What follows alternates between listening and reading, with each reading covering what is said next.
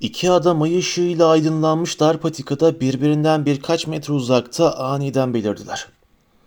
Bir an ikisi de asasını karşısındakinin göğsüne doğrultmuş halde kıpırdamadan durdular. Sonra birbirlerini tanıyarak asalarını pelerinlerin altına soktular ve aynı yönde çevik adımlarla yürümeye koyuldular. Haber var mı? diye sordu daha uzun boylu olanı. En iyisinden diye cevap verdi Severus Snape. Patikanın sol yanında yabani, bodur kaba dikenler vardı. Sağ yanında ise yüksek, özenle kırpılmış bir çit. Adamların uzun pelerinleri onlar yürüdükçe bileklerin etrafında çırpınıyordu. Geç kalacağımı sandım, dedi Yaxley. Tepeden sarkan ağaçların dalları ay ışığında kaba yüz atlarını bir görünüp bir kaybolur hale getirirken. Sandığımdan daha zor oldu ama umarım tatmin olur. Sen iyi karşılanacağından emin görünüyorsun, öyle mi? Snape başını sallayarak doğruladı ama açıklama yapmadı. Sağ, patikadan uzanan daha geniş bir araba yoluna döndüler. Yüksek çit de onlarla birlikte kavislendi. Adamların önünü kesen bir çift heybetli dövme demir kapının gerisinde uzaklara yöneldi. İki adam da durmadı. Sessizlik içine selam verircesine sol kollarını kaldırdılar ve koyu renk metal sanki dumanmış gibi dost doğru içinden geçtiler. Porsuk ağacı çit ayak, adamların ayak seslerini boğuyordu. Sağ taraflarında bir yerde bir hışırtı vardı. Yaxley yine asasını çekti. Yol arkadaşının başının üstünden uzattı. Ama gürültünün kaynağının çitin tepesi boyunca haşmetle yürüyen bembeyaz bir tavus kuşu olduğu anlaşıldı. Kendine epey bakmıştır bu Lucius. Tavus kuşları ha? Yaxley burnundan hıh diye bir ses çıkartarak asasını gerisin geri cübbesinin altına soktu. Dümdüz ilerleyen araba yolunun sonundaki karanlıktan elmas biçimindeki alt kat pencerelerin ışıkları parıldayan büyük bir malikane yükseliyordu. Çitin gerisindeki karanlık bahçenin bir yerlerinde bir çeşme çağıldıyordu. Snape ve Yaxley ön kapıya doğru hızla ilerlerken ayaklarının altında çakıllar takırdadı. Kapı kimse tarafından gözle görülür biçimde açılmamasına rağmen onlar yaklaşınca içeri doğru savruldu. Hol büyüktü, loş bir şekilde aydınlanmıştı ve lüks bir şekilde döşenmişti. Taş döşemenin büyük kısmını muhteşem bir halı kaplıyordu.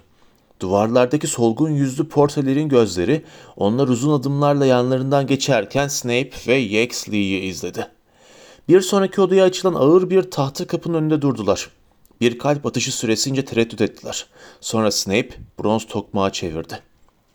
Salon uzun ve gösterişli bir masanın çevresinde oturan sessiz insanlarla doluydu. Odanın her zamanki mobilyaları kayıtsızca duvarların dibine çekilmişti. Tek ışık kaynağı üzerinde yaldızlı bir ayna olan güzel mermer bir şömine rafının altındaki gürleyen ateşti. Snape ve Yaxley bir an ışıkta oyalandılar. Gözleri ışık yokluğuna alışınca yukarı, sahnenin en tuhaf yanına çevrildi. Besbelli baygın olan bir insan şekli masanın üstünde baş aşağı asılmış, görünmez bir ipten sarkarmış gibi yavaş yavaş dönüyor, aynada ve alttaki masanın çıplak, cilalı yüzeyinde yansıması görünüyordu. Bu acayip manzaranın altındaki insanların hiçbiri ona bakmıyordu. Neredeyse tam altında oturan solgun yüzlü bir delikanlı hariç. Kendine engel olamayıp dakika başı yukarı bakıyormuş gibiydi. Yaxley, Snape, dedi tiz berrak bir ses masanın başından. Az daha geç kalıyordunuz. Konuşan kişi şöminenin tam önüne oturmuştu. Öyle ki yeni gelenlerin ilk başta onun silüetinden fazlasını seçmeleri zordu. Ancak yakınlaştıklarında yüzü loş ışıkta parladı. Tüysüz, yılanımsı bir yüzdü bu. Burun deliklerinin yerinde yarıklar vardı ve yatay göz bebekleri olan gözleri kırmızı kırmızı parlıyordu. Teni öylesine açık renkti ki sanki incimsi bir ışıltı yayıyor gibiydi. Severus, buraya, dedi Voldemort. Hemen, hemen sağındaki iskemleyi işaret ederek. Yaxley, Dolahov'un yanına. İki adam kendilerine ayrılmış yerlere oturdular. Masadakilerin çoğunun gözleri Snape'i izledi. Voldemort da önce onunla konuştu. Evet, Lordum, Zümrüt Kayyoldaşlı Harry Potter'ı şu anda bulunduğu güvenli yerden önümüzdeki cumartesi gece yarısı çıkarmaya niyetli. Masanın çevresinde oturan diğerlerin ilgisi gözle görülür şekilde arttı. Kimi kas katı kesildi, kimi yerinde kıpırdanmaya başladı. Hepsi gözlerini dikip Snape ile Voldemort'a baktı. Cumartesi gece yarısı diye tekrarladı Voldemort. Kırmızı gözleri öyle bir yoğunlukla Snape'in kara gözlerine dikildi ki onları gözleyenlerden bir kısmı bakışlarını uzaklaştırdı. Belli ki kendilerinin de o bakışın yırtıcılığından yanacağından korkmuşlardı. Snape ise sükunetle Voldemort'un yüzüne baktı ve bir iki saniye sonra Voldemort'un dudaksız ağızlı gülümsemeye yakın bir şeyle büküldü. İyi, çok iyi ve bu bilgi hakkında konuştuğumuz kaynaktan dedi Snape. Lordum, Yaxley uzun masanın diğer ucunda Voldemort'la Snape'e bakmak için öne eğilmişti. Bütün yüzler ona döndü. Lordum, ben farklı şeyler duydum. Yaxley'i bekledi ama Voldemort konuşmadı. O da devam etti. Dovlish şu seherbaz ayın 30'una yani oğlanın 17 yaşında olacağı geceye kadar Potter'ın yeniden oynatılmayacağını ağzından kaçırdı. Snape gülümsüyordu. Kaynağım bana sahte bir iz bırakma yolunda planları olduğunu söyledi. Bu o olmalı. Hiç şüphe yok ki Dovlish'e şaşırtma büyüsü yapılmış. Bu ilk sefer olmayacak. Çabuk etkilendiğini biliyoruz. Sizi temin ederim lordum. Dovlish oldukça emin görünüyordu, dedi Yaxley. Eğer şaşırtılmışsa emin olması doğal, dedi Snape. Ben seni temin ederim Yaxley. Ki artık seherbaz bürosu Harry Potter'ın korunmasında rol oynamayacak. Yoldaşlık bizim bakanlığa sızdığımıza inanıyor. Demek ki yoldaşlık sonunda bir şey doğru anlamış ha? dedi. Yaxley'e yakın oturan tıknaz bir adam. Masanın ortasında orasında burasında yankılanan hırıltılı bir kıkırt koyuverdi. Voldemort gülmedi. Bakışı yukarı, tepede yavaşça dönen bedene takılmıştı ve düşünmeye dalmış görünüyordu. Lordum, diye devam etti Yaxley. Dovlish, olanı nakletmek için tamamen seherbazlardan oluşan bir ekip kullanılacağına inanıyor. Voldemort kocaman beyaz elini havaya kaldırdı. Yaxley hemen sindi ve Voldemort yeniden Snape'e dönerken dargın dargın baktı. Sonra oğlanı nereye saklayacaklar? Yoldaşlıktan birinin evine, dedi Snape. Kaynağa göre bu yere yoldaşla bakanlığın birlikte sağlayabildiği her türlü korunma sağlanmış. Sanırım bir kere oraya gitti mi? Onu alma şansı zayıf. Lordum, tabii bakanlık önümüzdeki cumartesiden önce düşmüş olmazsa ki bu da bize yeterince sihir keşfedip bozma, geri kalanını da kırma şansı verir. Eee Yaxley diye masadan aşağı doğru seslendi Voldemort.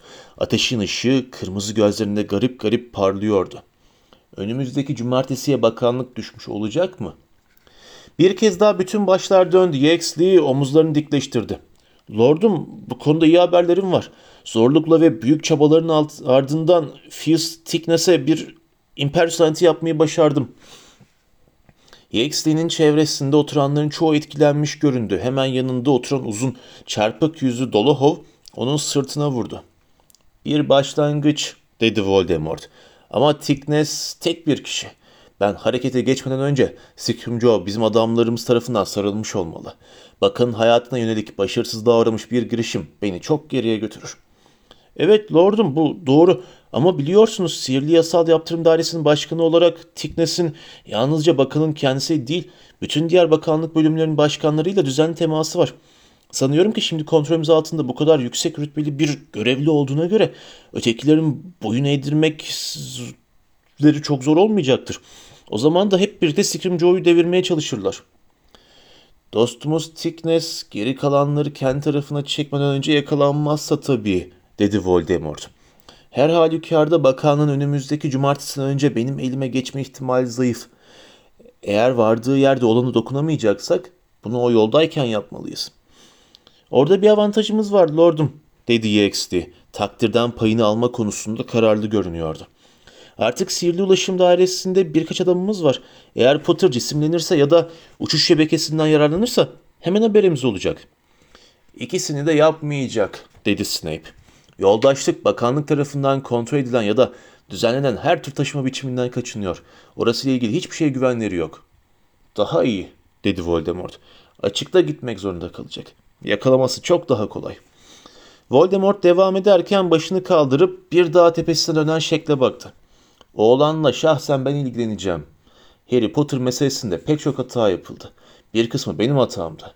Potter'ın hayatta olması onun zaferlerinden çok benim yanlışlarımın sonucu.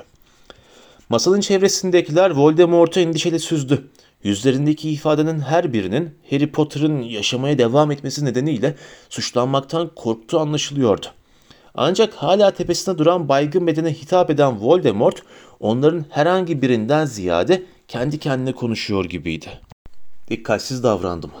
O yüzden de en iyileri dışındaki bütün planları bozan şansla tesadüf beni engelledi.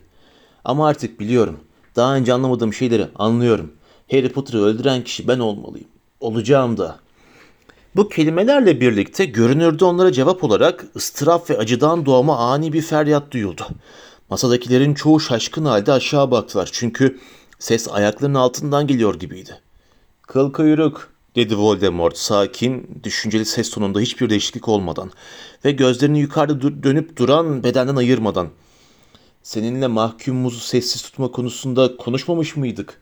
"E, Evet, lo- lordum, dedi masanın ortalarındaki bir yerde küçümen bir adam, nefesi kesilerek. İskemlesinde öyle aşağıda oturuyordu ki ilk bakışta iskemle boş gibi duruyordu. Şimdi iskemlesinden zahmetle indi. Arkasında tuhaf bir gümüş ışıltısı dışında hiçbir şey bırakmadan odadan dışarı seyirtti. Dediğim gibi diye devam etti Voldemort. Müritlerinin gergin yüzlerine bir kez daha bakarak. Şimdi daha iyi anlıyorum. Örneğin Potter'ı öldürmeye gitmeden önce birinizin asa ödünç almaya ihtiyacım olacak. Etrafındaki yüzlerde şoktan başka bir şey okunmuyordu. Onların kollarından birini alacağını ilan etmişti sanki. Gönüllü yok mu? Dedi Voldemort. Bir bakalım. Lucius, artık bir asan olması için herhangi bir neden göremiyorum. Lucius Malfoy başını kaldırıp baktı. Teni ateşin ışığında sarımtırak ve mumumsu görünüyordu. Gözleri de çökmüş ve gölgelenmişti. Konuştuğunda sesi boğuktu. Lordum, Asan Lucius, Ahsan'a ihtiyacım var. Ben Malfoy gözünün ucuyla karısına baktı. Uzun sarı saçları sırtının aşağı inen kadın da neredeyse onun kadar solgundu. Dümdüz karşıya bakıyordu ama masanın altına narin parmaklarıyla kısacık bir süre kocasının bileğini kavradı. Onun teması üzerine Malfoy elini cübbesinin içine soktu. Bir asa çıkardı ve elden ele Voldemort'a gönderdi. Voldemort asayı kırmızı gözlerin önüne tutarak yakından inceledi. Nedir? Kara ağaç lordum diye fısıldadı Malfoy. Kara ağaç ha? Ya çekirdeği? Ejderha, ejderha yürek teli. İyi dedi Voldemort. Kendi asasını çıkardı ve boylarını ölçtü. Lucius Malfoy istemsiz bir hareket yaptı. Bir an için Voldemort'un değiş tokuş yaparak asasını kendisine vereceğini bekliyormuş gibiydi. Bu hareket Voldemort'un gözünden kaçmadı. Gözleri habis bir ifadeyle büyüdü. Sana asamı mı vereyim Lucius? Benim asamı mı? Kalabalıktan bazıları gülmekten kendilerini alamadı. Sana özgürlüğünü verdim Lucius. Bu sana yetmiyor mu? Ama son zamanlarda senin ve ailenin pek de mutlu olmadığınızı fark ettim. Evinde bulunmamın senin canını sıkan yanı nedir Lucius? Hiçbir şey. Hiçbir şey lordum. Ne yalan Lucius. Yumuşak ses zalim ağız hareket etmeyi bıraktıktan sonra da tıslıyor gibiydi. Tıslama sesi yükselince büyücülerden bir iki tanesi içlerinden yükselen ürpertiyi güçlükle bastırdı. Ağır bir şeyin masanın altındaki döşemede kaydığı duyulabiliyordu. Kocaman yılan ortaya çıktı. Voldemort'un iskemlesine yavaş yavaş tırmandı. Sanki hiç sonu gelmeyecekmiş gibi yükseldi de yükseldi. Voldemort'un omuzlarına yaslandı. Boynu insan baldırı kalınlığındaydı. Göz bebeği yerine dikey çizgileri olan gözleri hiç kırpılmıyordu. Voldemort uzun, ince parmaklarla yarattığı dalgın dalgın okşarken Lucius Malfoy'a bakıyordu.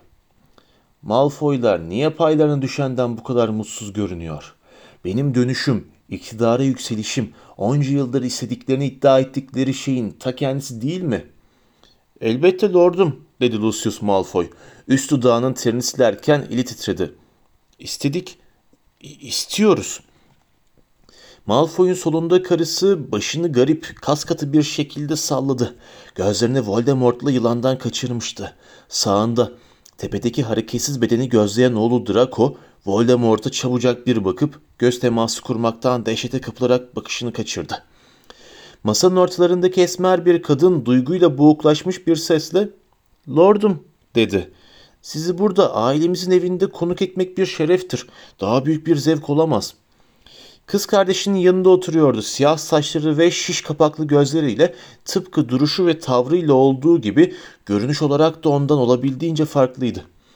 Narcissa kas katı ve duygularını belli etmeden otururken Bellatrix Voldemort'a doğru eğildi. Çünkü yalnızca kelimeler onun yakınlık özlemini dile getiremez gibiydi. Daha büyük bir zevk olamaz diye tekrarladı Voldemort. Bellatrix'i gözden geçirirken başı biraz yana eğilmişti. Sen söyleyince bu büyük anlam taşıyor Bellatrix. Kadının yüzüne renk yayıldı, gözleri sevinç yaşlarıyla doldu. Lordum, benim hakikatten başka bir şey söylemediğimi bilir. Daha büyük bir zevk olamaz demek. Bu hafta ailenizde yaşandığını duyduğum mutlu olayda kıyaslandığında bile mi? Kadın dudakları aralanmış, besbelli kafası karışmış halde ona baka kaldı. Ne demek istediğinizi bilmiyorum lordum. Yeğeninden söz ediyorum Bellatrix ve sizin yeğeninizden Lucius'la Narcissa. Kısa süre önce kurt adam Remus Lupin'le evlenmiş. Çok gururlu olmalısınız. Masanın çevresinde alaylı kahkahalar patladı. Çoğu birbirlerine alay eden bakışlar atmak için öne eğildi. Bir kısmı yumruklarıyla masayı dövdü.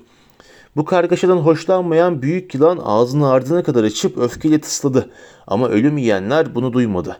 Bellatrix ile Malfoy'ların aşağılanmasına o kadar sevinmişlerdi ki Bellatrix'in biraz önce mutlulukla pembeleşen yüzü çirkin, lekeli bir kırmızıya dönüşmüştü. O bizim yeğenimiz değil lordum dedi dizginlenemeyen cümbüşü bastırmak için bağırarak. Biz Narsisa ile ben bulanıkla evlendiğinden beri kız kardeşimizi asla görmedik. Bu veledin ikimizle ilgisi yok evlendiği herhangi bir canavarın da. Sen ne diyorsun Draco diye sordu Voldemort. Sesi sakin olmakla birlikte ıslıklarla yuvalamaların içinden rahatlıkla duyuldu. Eniklere bakıcılık yapacak mısın? Şamata doruk noktasına vardı. Draco Malfoy dehşet içinde gözlerini kucağına dikmiş olan babasına baktı. Sonra annesiyle göz göze geldi. Kadın başını belli belirsiz iki yana salladı. Sonra da karşı duvara anlamsız bir yüzle bakmayı sürdürdü. Yeter dedi Voldemort kızgın yılanı okşayarak. Yeter. Gülmeler bir anda kesildi. En eski ailelerimizin çoğuna zamanla biraz hastalık bulaşıyor dedi Bellatrix. Soluk soluğa ve yalvarıcısına ona bakıyordu. Öyleyse kendimizinkini budamalıyız değil mi? Sağlıklı kalması için. Geri kalanın sağlığını tehdit eden bölümleri kesip atın. Evet lordum diye fısıldadı Bellatrix ve gözleri yeniden şükran yaşlarıyla doldu. İlk fırsatta. Bu fırsat eline geçecek dedi Voldemort. Hem ailende hem de dünyada. Sadece gerçek kanın olanlar kalana kadar. Bize bulaşan yarayı kesip atalım. Voldemort Lucius Malfoy'un asasını havaya kaldırdı ve doğrudan doğruya masanın üstünde asılı yavaş yavaş dönen şeki tutup hafifçe oynattı. Şekil inleyerek canlandı. Görünmez bağlara karşı mücadele etmeye koyuldu. Konuğumuzu tanıdın mı Severus? diye sordu Voldemort. Snape gözlerini tepeden aşağı duran yüze kaldırdı. Şimdi bütün ölüm yiyenler başlarını kaldırmış sanki merak göstermelerine izin verilmiş gibi esire bakıyordu. Kadın yüzü ateşe gelecek şekilde dönünce çatlamış ve dehşet içinde bir sesle ''Severus'' dedi. ''Bana yardım et.'' ''Aa, evet'' dedi Snape. Mahkum yine yavaş yavaş öbür tarafa dönerken. ''Ya sen Draco?'' diye sordu Voldemort. Asasız eliyle yılanın burnunu okşayarak. Draco titrek titrek başını iki yana salladı. Artık kadın uyandığı için sanki ona bakamıyor gibiydi. Ama sen onun dersini almamışsındır, dedi Voldemort. Bilmeyenleriniz için söylüyorum. Bu gece burada bize yakın zamana kadar Hogwarts Cadılık ve Büyücülük Okulu'na ders veren Charity Burbage katılmış bulunuyor. Masanın çevresinden küçük kavrayış nidaları yükseldi. Sivri dişleri olan enli, kambur bir kadın kıkırdadı. Evet, Profesör Burbage cadılarla büyücülerin çocuklarına muggle'lar hakkında ders veriyordu. Bizden çok da farklı olmadıkları hakkında.'' Ölüm yiyenlerden bir yere tükürdü. Charity Burbage dönerek yine Snape ile yüz yüze geldi. Severus, lütfen, lütfen. Sessizlik, dedi Voldemort. Malfoy'un asası yeniden seyirdi ve Charity ağzı bağlanmış gibi sessiz kaldı. Profesör Burbage, büyücülerin çocuklarının zihinlerini bozmak ve kirletmekle yetinmeyerek geçen hafta gelecek postasında bulanıklar hakkında tutkulu bir savunma yazdı. Büyücüler, diyor, bu bilgi ve sihir hırsızlarını kabul etmeliymiş. Safkanların azalması, diyor Profesör Burbage, çok arzu edilen bir durumdur. Hepimizi muggle'larla çiftleştirecek ya ya da şüphesiz kurt adamlarla. Bu sefer kimse gülmedi. Voldemort'un sesindeki öfke ve küçümseme fark edilmeyecek gibi değildi. Charity Burbage üçüncü kez dönerek Snape'le yüz yüze geldi. Gözyaşları gözlerinden saçına akıyordu. Snape o yeniden dönerek kendisinden uzaklaşırken hayli vurdum duymaz bir tavırla bakışını iade etti. Avada kedavra. Yeşil ışığın parıltısı odanın her köşesini aydınlattı. Charity altındaki masaya düştü. Çarpma sesi salonda yankılandı. Masa titredi ve gacırdadı. Birkaç ölüm yiyen iskemlelerinde geriye sıçradı. Draco kendi iskemlesinden zemine düştü. Akşam yemeği Nagini, dedi Voldemort usulca ve büyük yılan onun omuzlarından salınıp kayarak cilalı tahtaya indi.